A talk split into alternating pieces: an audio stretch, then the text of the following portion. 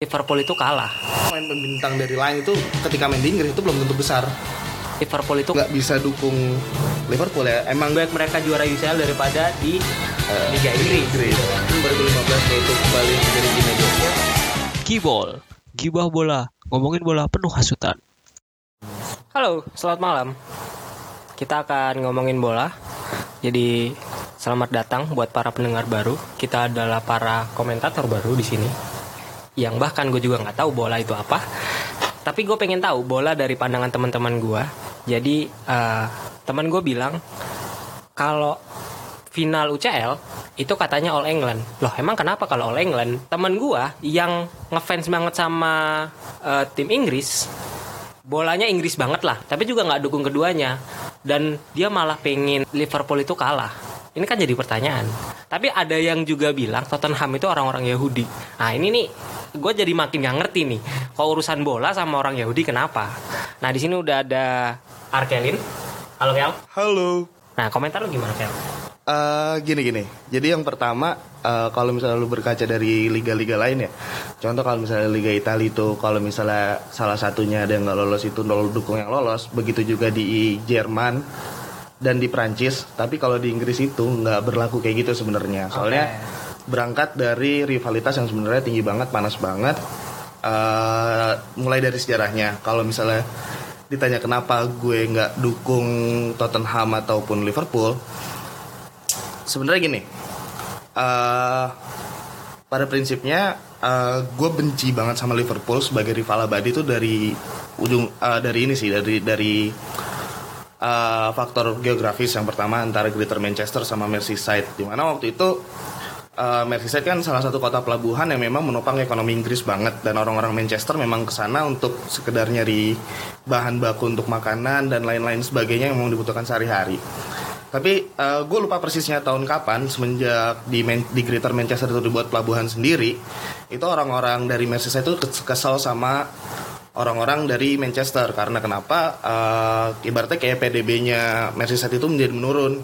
Soalnya eh, di Inggris sudah ada dua pelabuhan besar. Itu kenapa di lambangnya MU itu ada kapal dan di lambangnya City juga ada kapal karena menggambarkan situ ada kota pelabuhan berangkat dari situ lalu rivalitas semakin panas sebenarnya nggak panas-panas banget sih dari tahun 1900 Rivalitas antara MU City MU Liverpool MU Liverpool. MU oke. Liverpool Jadi Rivalit- dua kota yang berbeda nih. dua kota yang berbeda sebenarnya Tapi dekat apa?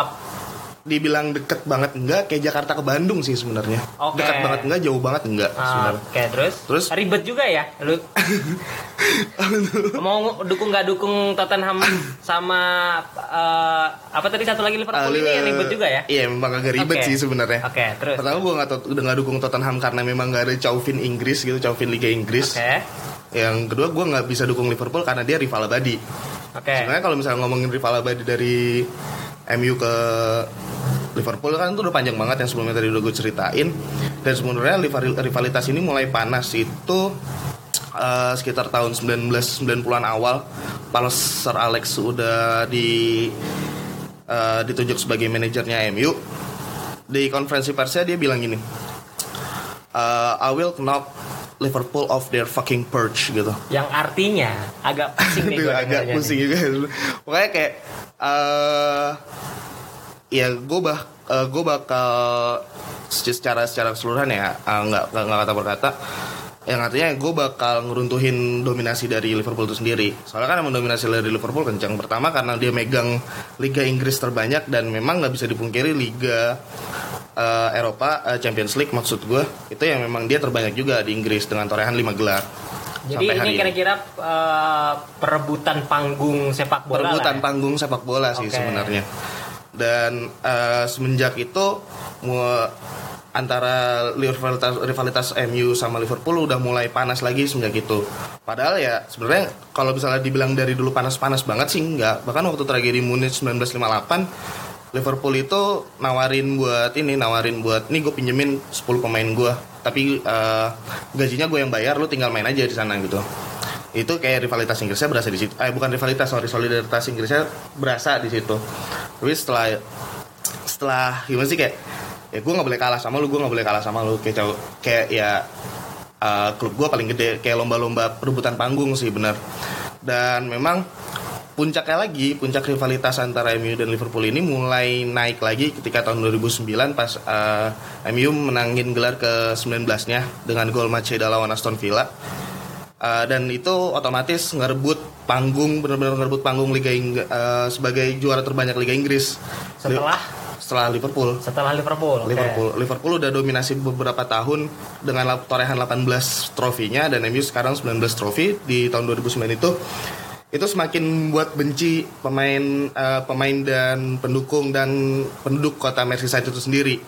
Udah mulai ngebenci bahkan eh, sebenarnya eh, kebencian itu yang apa apa yang ngebuat eh, kita mak- makin ngebenci satu sama lain sebenarnya gue nggak suka ketika eh, Northwest Derby antara MU dan Liverpool itu pemain Liverpool itu buat gestur pesawat. Oke. itu buat nge-mocking eh, tragedi 1908 Munich Ah. karena kan itu maksud gue tragedi kemanusiaan yang sebenarnya ya itu- terlepas itu- dari rivalitas yang nggak boleh dicengin Oke, Menurut itu itu gitu. tragedi Munich keman itu karena persoalan apa? Bola juga. bola juga. Jadi eh, pas UCL 1958 itu, tapi namanya belum belum UCL gue lupa. Apa ya namanya? European Champions Cup apa gue lupa. Eh, jadi 1908 itu 1958 itu MU itu habis tanding lawan Red Star Belgrade kan. Nah dari gue lupa tapi sih negaranya di mana tuh Red Star Bel- Belgrade antara Serbia deh kalau nggak salah. Kalau nggak salah di negara-negara Eropa Timur gitu. Nah, eh, dia eh, transit di Munich di Jerman sebelum ke Inggris. Nah di Munich itu sebenarnya emang eh, cuacanya lagi salju buruk banget, parah banget. Dan bahkan eh, petugas bandara bilang ya kalian nggak usah take off sekarang gitu, besok aja tunggu saljunya selesai. Tapi eh, kapten pilotnya itu memaksa buat take off ya akhirnya take off tiga kali percobaan, percobaan ketiganya itu jatuh dan eh, bisa dikatakan sekitar 80% pemain MU itu meninggal di situ. Padahal hampir seluruhnya itu. hampir seluruhnya sisa sekitar 3 atau 4 pemain. Buyar nggak itu timnya? Itu buyar. Buyar. Buyar banget yang tadinya memang dikategori Dan itu semua pemain-pemain akademi dari MU. Kebanyakan. Kebanyakan. Kebanyakan Oke. macam-macam kayak Jadi bukan networks investasi dan MU hilang Iya, di situ. hilang di situ, runtuh di situ.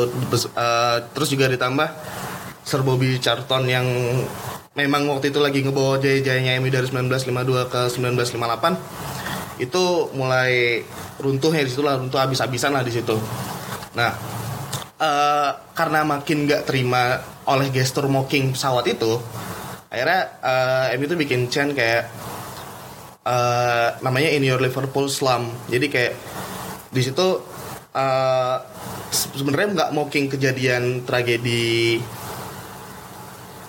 Hazel, Hazel, He- eh bukan Hazel gue lupa. Justice for the 96 gue lupa tragedinya. Nah eh, di situ ada salah satu lirik yang bilang kalau eh, kan dinyanyiin kayak ini. You used to sing Munich but not anymore. Since 96 Cossars lay dead on the floor. Itu kejadiannya Liverpool itu gue lupa tanding lawan siapa kalau salah final FA deh itu. Jadi di di Inggris waktu itu ada eh, singing section standing section gitu.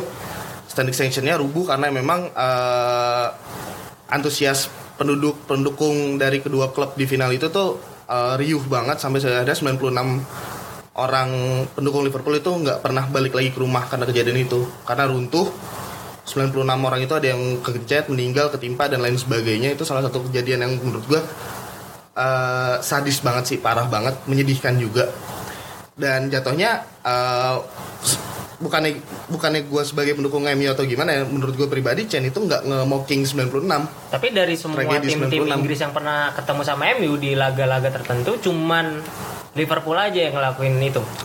Chan, uh, Eh, oh, mocking yang gestur pesawat itu. Sebenarnya nggak cuma Liverpool sih. Eh, lebih ke tim-tim lain di luar eh, Inggris sebenarnya yang ngelakuin itu dan sebenarnya udah nggak dilakuin lagi tapi karena rivalitas antara eh, MU dan Liverpool yang kuat ya sampai sekarang pun masih ada yang bikin gestur pesawat kayak gitu dan Sampai yang sekarang makin- tuh? iya dan itu yang setiap makin- kali bertemu sama MU. hampir setiap Jadi kali kira-kira itu uh, ocehan andalan ketika ketemu sama MU gitu. Iya, terlebih kan sekarang Liverpool posisinya yang nggak bisa dipungkiri Liverpool posisinya di atas MU gitu. Oke. Dia kayak semakin manas-manasin tim lu goblok, tolol dan lain sebagainya ditambah dengan gestur pesawat. Ditambah dengan gitu pesawat. Tapi Iya. terjadi juga nggak sama sama City? yang sama-sama Manchesternya di situ? Kalau rivalitas sama City itu sebenarnya nggak gimana-gimana sih. Terlebih kalau misalnya eh, bisa dibilang City memang klub yang historis walaupun nggak banyak historisnya bahkan Leeds City itu salah satu klub sepak bola yang didirikan oleh eh, seorang Cewek itu kalau di Kristen bukan pendeta ya? Gue lupa sih namanya. Suster. Suster? Ya kastaka ya katakanlah Suster City itu dibuat oleh Suster di Manchester. Oke.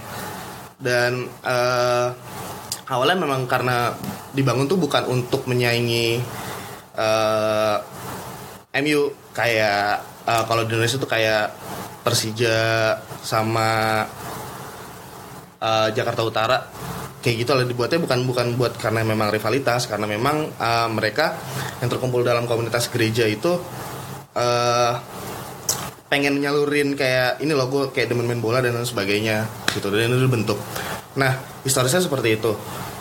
Eh, terus maju ke tahun 2008 sebenarnya City itu dibeli sama Sheikh Mansur atau langsung dikasih dana jor-joran tuh Mhm. buat belanja pemain Tevez, Adebayor dan lain sebagainya bukan bukan pemain-pemain akademi. bukan pemain-pemain akademi yang kuat secara historis sih loh. Oke, jadi yang memang ada impor semua. fondasinya dari dulu. Ya Oke. tim instan lah, Tim instan. tim instan. Nah, eh kalau misalnya rivalitas antara MU dan City itu mulai kebentuk tadi 2008, 2000 2010 ke atas itu udah mulai kebentuk eh, semenjak eh, sebenarnya gue bingung sih apa yang dibilang sama fans City itu kalau masalah Manchester is blue Oke. Padahal kenyataannya City itu dia nggak bisa menuhin stadionnya sendiri kecuali lawan MU. Karena Jadi kalau banyak. judulnya Derby Manchester itu baru rame tuh. Iya kalau judulnya dari Manchester rame. Oke. Tapi kalau misalnya kayak City lawan Chelsea, City lawan Arsenal, City lawan Liverpool dan lain sebagainya itu nggak rame. Yang rame itu dari fans away, Oke. dari fans home-nya nggak ada.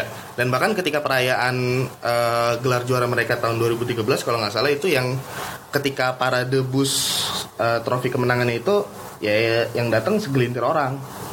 Oke lah banyak yang bilang kalau misalnya dukung MU itu eh, turis dan lain sebagainya.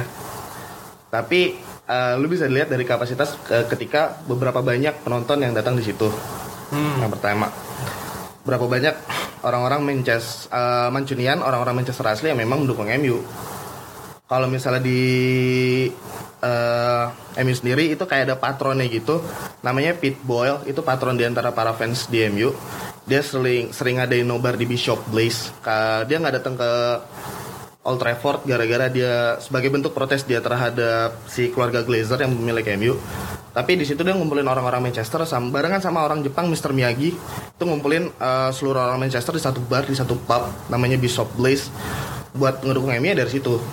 Oke. Cukup dari situ. Jadi ada mobilisasi di situ. Ada mobilisasi massa yang dilakukan di situ, tapi ya ada Stratford End salah satu eh, sektor tribun yang dikhususkan untuk mendukung MU, pendukung-pendukung yang beli tiket tahunan itu selalu rame dan bahkan sel- selalu diakui gitu ke- maksud gua oleh komentator-komentator Inggris ketika rival eh, maksud gua pertandingan-pertandingan rivalitas Northwest Derby, Manchester Derby dan lain sebagainya itu standing eh, maksud gua Stratford itu selalu lebih rame Oke. daripada eh, singing sectionnya dari fans away. Berarti kan itu ngebuktiin kalau seberapa besar passion yang dimiliki sama pendukung yang itu itu sendiri. Jadi Forzanya kuat banget. Iya kayak eh, gua passionnya sih, passionnya kuat banget lah Passionnya pokoknya. ya. Passionnya Jadi kuat ada banget. vibes yang asik gitu Ada kalau vibes kalau yang asik. main iya. gitu ya. Ditambah dengan chanting-chanting dan gua agak kur- agak kurang aja sih sebenarnya kalau misalnya eh, di Stratford itu nggak ada flare karena terlepas dari peraturan UEFA atau dari Baru-baru ini ya peraturan.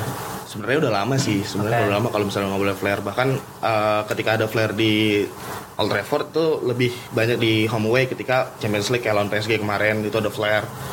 Kayak lawan Bayern Munchen itu pernah ada flare dan lain sebagainya, tapi nggak dari fans home-nya. Nah, kenapa gue nggak bisa dukung Liverpool ya? Emang gue ditakdirkan untuk nggak mendukung Liverpool sama sekali. Sudah garis tangan. Sudah garis Agak-agak tangan lah ini ya. Lo orang Indonesia padahal. Iya, iya. Tapi ikut-ikutan panas ya. Agak panas sih sih, panas banget bahkan ya gue mendingan mati cuy daripada dukung Liverpool gitu. Anjay. Jadi kalau misalkan Bener. ternyata di final UCL itu Manchester City masih bisa lah dukung lah.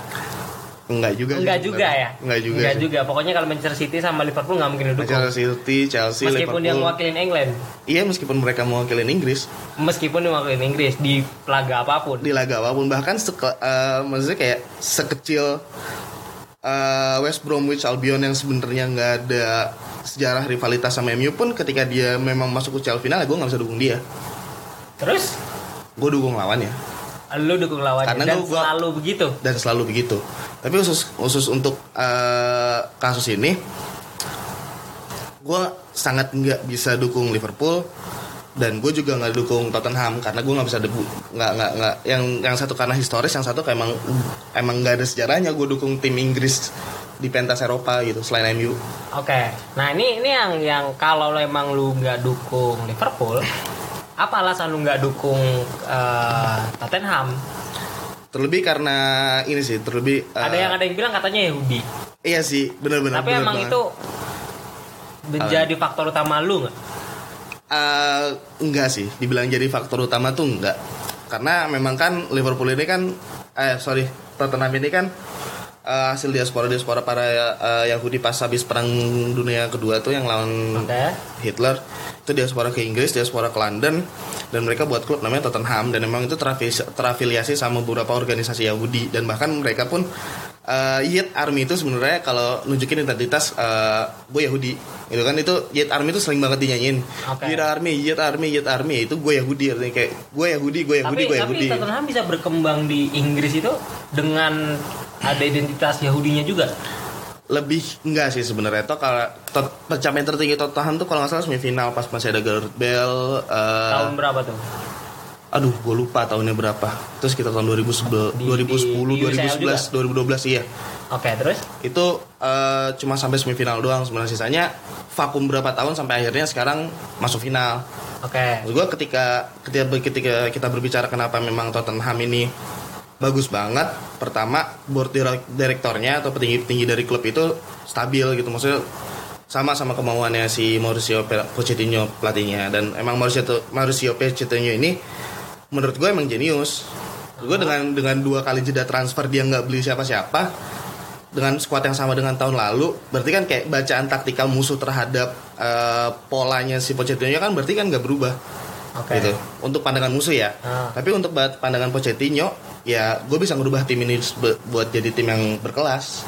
Kayak eh, eh, MU, City, Liverpool, Arsenal dan lain sebagainya. Bahkan Tottenham itu semenjak tahun 2010 tuh udah masuk the Big Six namanya. Kalau di Inggris dulu ada namanya, namanya the Big Four. Itu MU, Liverpool, eh, Arsenal, Chelsea. Hmm. sekarang masuk the Big Six. MU, Liverpool, City, Arsenal, Chelsea sama Tottenham. Arsenal yang kemarin kalah itu. Aduh iya. Aduh. Empat satu di final. Mohon maaf nih, mohon maaf nih fans Arsenal nih, mohon maaf nih. Kayak latihan bos Chelsea-nya. Buset dah. Gak ikutan tuh gue tuh. Yang ngegolin Iwobi. Iwobi. Alangkah Inggris namanya. Afrika. Jelas. Jelas mereka Oke. sebenarnya. eh, Gitu. Liverpool Tottenham yang menang siapa? Gini. Eh, dari kebanyakan banyak eh, fans MU itu ada dua, dua, dua bukan ideologi sih kayak dua paham yang benar-benar dianut gitu. Yang pertama, gue dukung Man United, Manchester United Sampai mati. sampai mampus. Sampai mampus. Yang kedua, gue dukung siapa pun yang main lawan MU, eh yang main lawan Liverpool, Dukung siapa pun yang lawan Liverpool. yang lawan Liverpool. Pokoknya lu nggak mau Liverpool menang aja. Gue nggak mau Liverpool menang, terlebih dengan kemarin mere- eh, mereka Tapi MU masuk UCL juga nggak sih? Masuk, masuk cuma kalah sama Barca yang memang superioritasnya ya ada alien di situ Messi, Loh, tapi kan Liverpool ngalahin Barca. karena emang taktikalnya. Oke, memang taktil. Jadi nggak lu nggak ada Karena- mendukung Liverpool karena kalah sama Barca gitu. No, Oke, nggak enggak. sama sekali. Bodoh amat lah, pokoknya Liverpool nggak bisa menang lah ya. Pokoknya Liverpool nggak boleh menang, udah Oke. gitu aja. Tapi gini sih yang jadi satu satu, catatan ya. eh, Sebenarnya gue nggak mandang UCL. Kalau misalnya toh nanti ah, pahitnya, pahitnya, amit amit amitnya eh, Liverpool itu juara, itu ya maksud gue mendingan dia juara UCL daripada dia juara Liga Inggris Anjay. Mending dia juara UCL. daripada juara Liga Inggris maksud gue juara UCL ya ya bodo amat Tapi kan anjir. lebih bergengsi UCL nggak juga? Enggak juga sih Karena dia bertanding lebih luas gitu sama dari wilayah-wilayah lain gitu? ya gimana ya kalau misalnya gue yang pertama kan karena memang gue nggak pengen dia lihat Jadi Liverpool buat buat. MU lebih berharga menang di Liga Inggris daripada di UCL. Ah, nggak kayak gitu Gimana gimana? jadi kayak gue lebih mending gue sebagai fans MU itu lebih mending ngelihat si Liverpool itu juara UCL tapi nggak juara Liga Inggris Oke. karena kalau misalnya juara kayak Liga, gitu. juara Liga Inggris kan dia terhitung udah sekitar 29 sampai 30 tahun lah dia udah nggak juara Terus Oh. gua kayak puasa gelarnya itu sejak 1989 kalau nggak salah di eh, laga, 19 1990 laga terakhir di mana 19. itu? Di UCL? Di apa Liga Inggris? Oh itu Liga Inggris. Liga Terakhir- Inggris. Terakhir kali Jadi dia menang 30 tahun Liverpool nggak pernah menang. nggak pernah menang Liga Inggris. Jadi Oke. kalau misalnya UCL dia masih menang tahun 2005 gitu maksud gue. Oke, oke.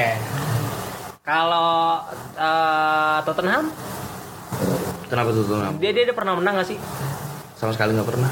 Dia nggak punya track record sebagai Nggak pernah. seorang juara gitu. Nggak nggak punya mental juara, nggak punya track mental record juara. nggak punya track record juara. Emang di diciptakan untuk sebagai pelengkap sebenarnya. Sebagai pelengkap dan bagian kalah nggak juga. Nggak bagian kalah sih nggak juga. Oke, nggak juga. Nggak juga. Cuma ya sebagai pelengkap aja, sebagai yang buat seru lah, biar nggak itu itu doang yang dominasi. Gitu. Oke. Kayaknya kalau ngelihat dari informasi lu, Liverpool menang nih kayaknya nih.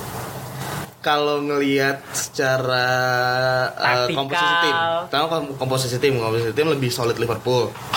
Uh, karena emang mereka nggak pernah juara dan pengen banget juara, sebenarnya pengen banget ngangkat trofi.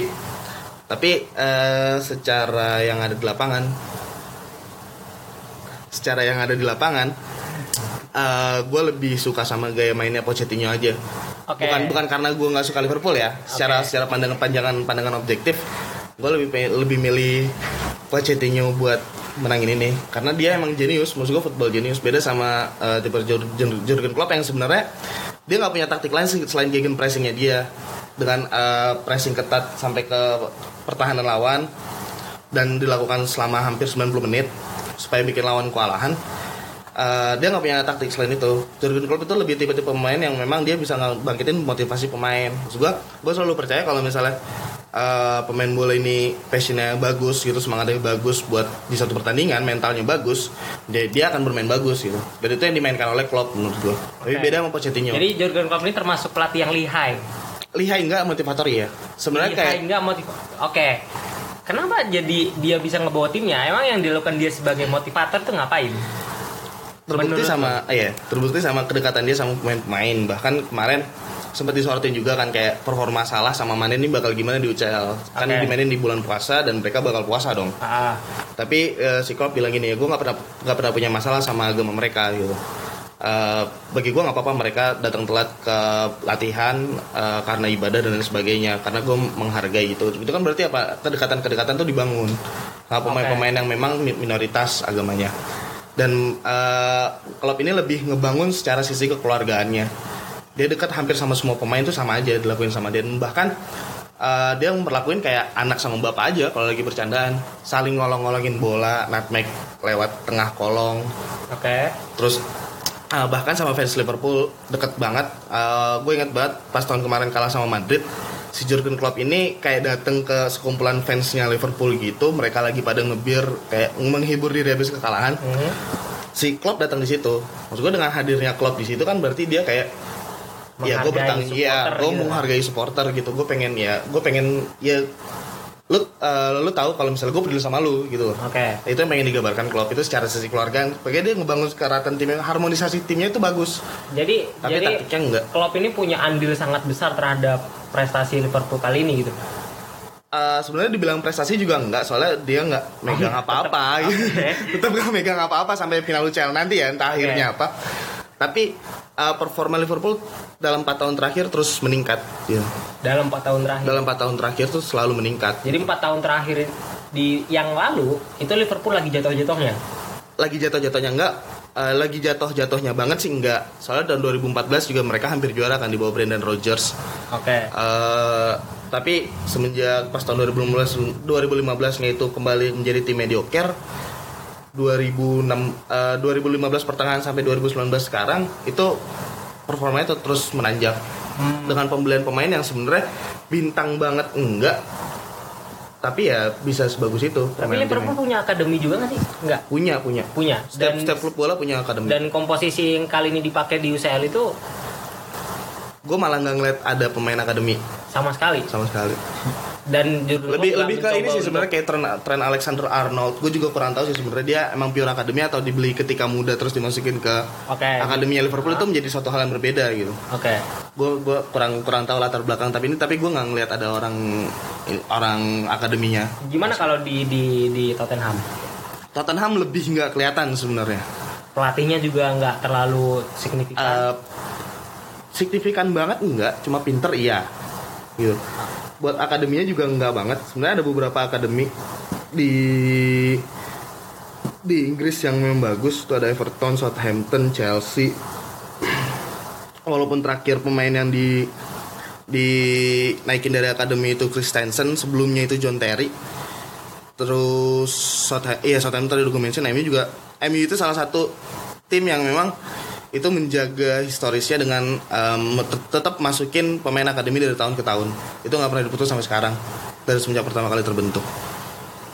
Oke, menurut lu kalau Tottenham ternyata nggak yang gimana-gimana banget, tapi hari ini menyatakan kalau ya Tottenham menjadi salah satu kandidat juara lah, hmm. bersama dengan Liverpool yang punya pelatih Jurgen Klopp dengan eh, kerendahan hatinya dalam mengurus eh, klub ya kan sama supporternya sama para pemainnya sehingga terbentuk vibes yang asik gitu di di Liverpool. Dan Liverpool juga nggak terlalu punya pemain-pemain yang mahal-mahal banget atau jago-jago banget gitu kan. Tidak terlalu bintang lah tapi bisa mengalahin bisa ngalahin Barcelona yang berapa banyak pemain bintang di Barcelona dengan harga yang sekian? Buset banyak banget. Banyak banget. Dan Banyak kemarin banget. dibantai berapa banyak? tiga kosong. 3-0 gol tanpa balas. Atau gol tanpa balas. Gol menurut lu ada balas. settingan nggak di situ?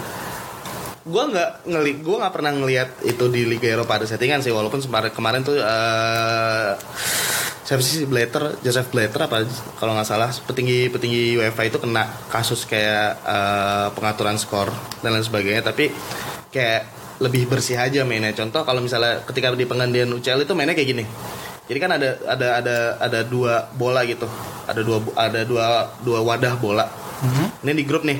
Di grup eh, misalnya ini yang juara ju- yang juara grup nih. Ini bola A misalnya. Yang runner up grup itu bolanya di B nah itu ada ada bola panas sama bola dingin.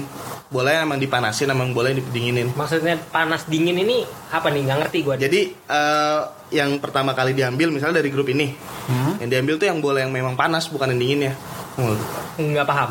Kayak bol kan ada kayak bola bola nih. Kayak ada bola dari plastik itu diisi Ah. isi- dalamnya ada eh, nama nama nama tim gitu kan. Oke. Nah itu jadi bola plastik itu dipanasin dulu biar apa di dipanasin anget lah anget lah. Itu sebagai kode oh Kayak, sebagai kode. misalnya dari grup A nih gue ngambil yang panas dulu. Ah. set dari grup B gue ngambil yang dingin.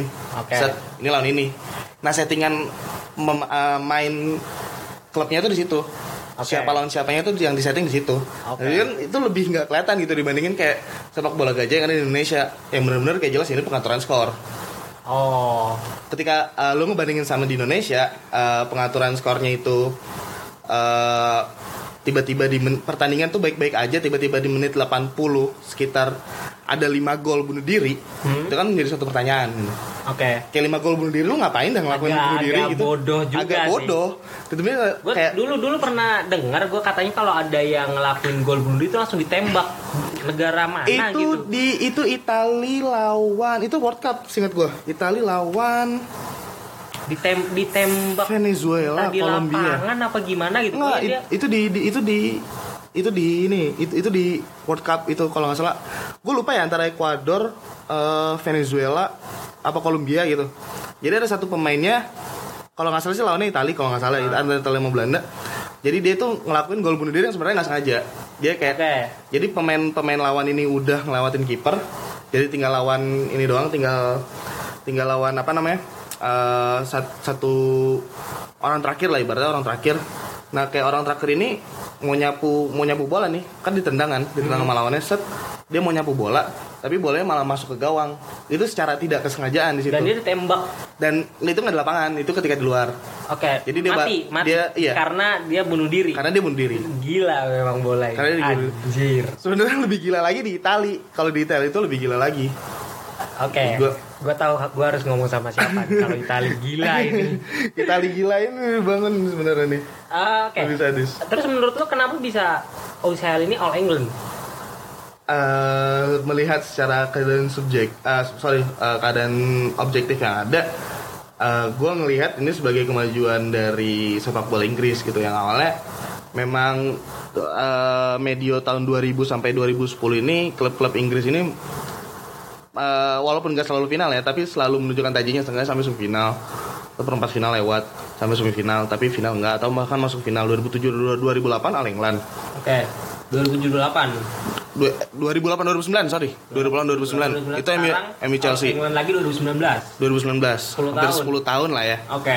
dan eh, terakhir klub eh, Inggris yang masuk final itu kalau nggak salah Chelsea pas lawan Munchen itu klub Chelsea lawan Munchen. Hmm. Yang menang? yang menang Chelsea Yang menang Chelsea. di kandang Munchen Di kandang Munchen. Kok Chelsea nggak masuk? Oh, dia menang di tempat lain. dia menang di tempat lain Oh, dia iya. menang di tempat lain di kasta liga yang di bawahnya lah Oke, di bawahnya. di bawahnya di bawah dari UCL ya juga eh, dalam radio 10 tahun ini yang sebenarnya eh, sepak bola Inggris ini mulai melempem di Liga Eropa ya terbukti dengan cengan ceng-cengan semenjak tahun 2012 tuh Chelsea terakhir main di final itu banyak banget tuh ceng-cengan kayak ke katanya Inggris liga terkuat katanya Inggris liga ter apalah segala macem liga terbaik lah dari Seluruh seluruh, Eropa. seluruh Eropa tapi, Tapi ya emang kayak gitu nggak? bagi gua terkuat enggak Oke. Eh, tapi eh, terketat iya Terketat iya, terkuat enggak? terkuat enggak terketat iya Kalau Jerman kan Munchen banget lah ya. Be- Jerman Ketat Munchen banget Enggak, kuat enggak. kuat enggak ya dominasi Munchen doang Oke. begitu juga di Paris eh, di sorry di Prancis dengan PSG yang mulai dominasi baru-baru ini sebenarnya begitu juga dengan Juventus di Itali Juventus di Itali. iya yang sebenarnya nggak menang tuh di, di Itali. Ya mohon maaf sekali nggak bisa Kecuali tahun 2010 tuh terakhir menang Jadi kalau treble sih Agak sebenarnya lama sih. Agak lama sih Agak sebenarnya Hampir satu dekade yang lalu lah ya agak lama ya. Agak lama lah ya Sebenarnya kayak eh lebih didominasi didominasi sama tim-tim Spanyol eh Kenapa? Tapi kalau di, di, di Lig- Liga Spanyol tuh masih itu itu juga nggak sih tim yang menang? Eh, lebih didominasi sama Barca sih sebenarnya Jadi selain Liga Inggris yang juaranya bisa berganti-ganti Hmm. nggak ada.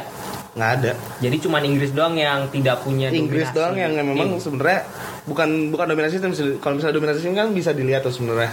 Secara keseluruhan tiap tahun ke tahun ini yang eh, mengisi mengisi posisi-posisi atas tuh kayak gimana. Tapi lebih ke pertandingan ke pertandingan. Itu Oke. pertandingan pertandingan pertandingan ke pertandingan di Inggris itu nggak bisa diprediksi sama sekali. Oh, Oke. bahkan tim sekecil Leicester City itu bisa menang Liga Inggris pak. Dengan Leicester nggak- City. iya itu dengan tim yang sama sekali nggak punya bintang sama sekali nggak punya bintang Waktu itu dia ngelawan siapa? ngelawan semuanya uh, seluruh klub Liga Inggris itu cuma kalah berapa kali ya lawan lawan the Big Six saya cuma ini doang nggak nggak ada nggak ada yang kalah seri Oke. the Big Six tuh lawan seri sisanya menang Termasuk lawan MU juga menang. termasuk lawan MU itu seri sebenarnya Oh, seri, seri dua, menang dua, ya? dua kali pertandingan tuh seri Oke. home away seri Menurut kayak itu tuh ngebuktiin kalau misalnya emang, li- emang Liga Inggris tuh liga terketat Oke, liga Ya, terketat. uh, ada nggak karena bagus. karena memang eh, apa namanya liga ini ketat sehingga kompetisi itu selalu berjalan yang hari ini mendorong eh, tim-tim Inggris bisa jadi salah satu yang cukup kuat berkompetisi mentalnya di Hmm. UCL. kalau ngomongin uh, ketika Kita ngomongin mental nih. Iya, kita ketika ketika ketika kita ngomongin mental sebenarnya eh rasio sekitar dari 2010 sampai sekarang itu belum ada tim-tim Inggris yang memang mentalnya mental. Bisa dikatakan mental juara banget tuh nggak ada? Nggak ada. Nggak ada. Termasuk MU. termasuk MU MU udah hancur banget sementar, semenjak 2013 ditinggal Safi itu udah hancur mentalnya Liverpool dari dulu udah hancur baru naik sekarang. City memang eh apa ya gimana sih? Kayak lu lu lu, lu tim instan. Gimana cara gambarnya? Lu lu tim instan dan lu lu punya target itu tapi lu nggak bisa nggak punya mental buat nyampai target itu gitu. Oke. kayak lu nggak punya mental lah ibaratnya. Oke. Situ tuh nggak pernah punya mental City nggak pernah punya mental. Chelsea, lebih ke fluktuatif naik turun. Arsenal semenjak tahun 2000 2005 2006 kalau nggak salah itu udah nggak bisa masuk lagi ke eh, kasta tertinggi Eropa. Kayak maksud gue kayak final UCL atau semifinal UCL ya itu karena kondisi dari tim-tim yang masing-masing tersendiri sih sebenarnya. Tapi eh, kembali lagi kenapa gue bilang tim eh, ini kema sebuah kemajuan dari sebuah kemajuan dari sepak bola Inggris yang sedikit perlu menjadi catatan adalah banyak pemain-pemain bintang yang bermain di liga lain sekarang. Itu mainnya di liga Inggris dulu sebenarnya.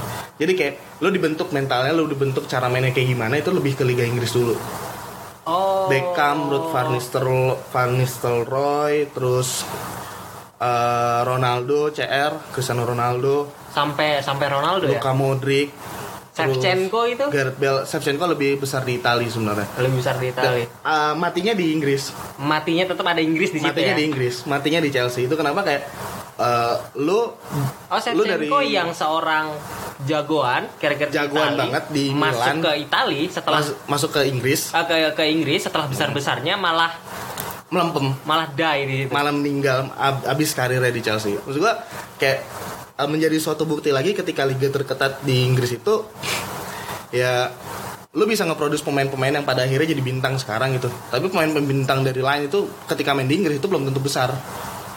Selain Shevchenko ada lain nggak? Gianfranco Zola pemain Oke. Chelsea itu nggak terlalu bagus. Juan Sebastian Veron itu Oke. jelek. Angel Di Maria itu jelek. Radamel Falcao itu jelek.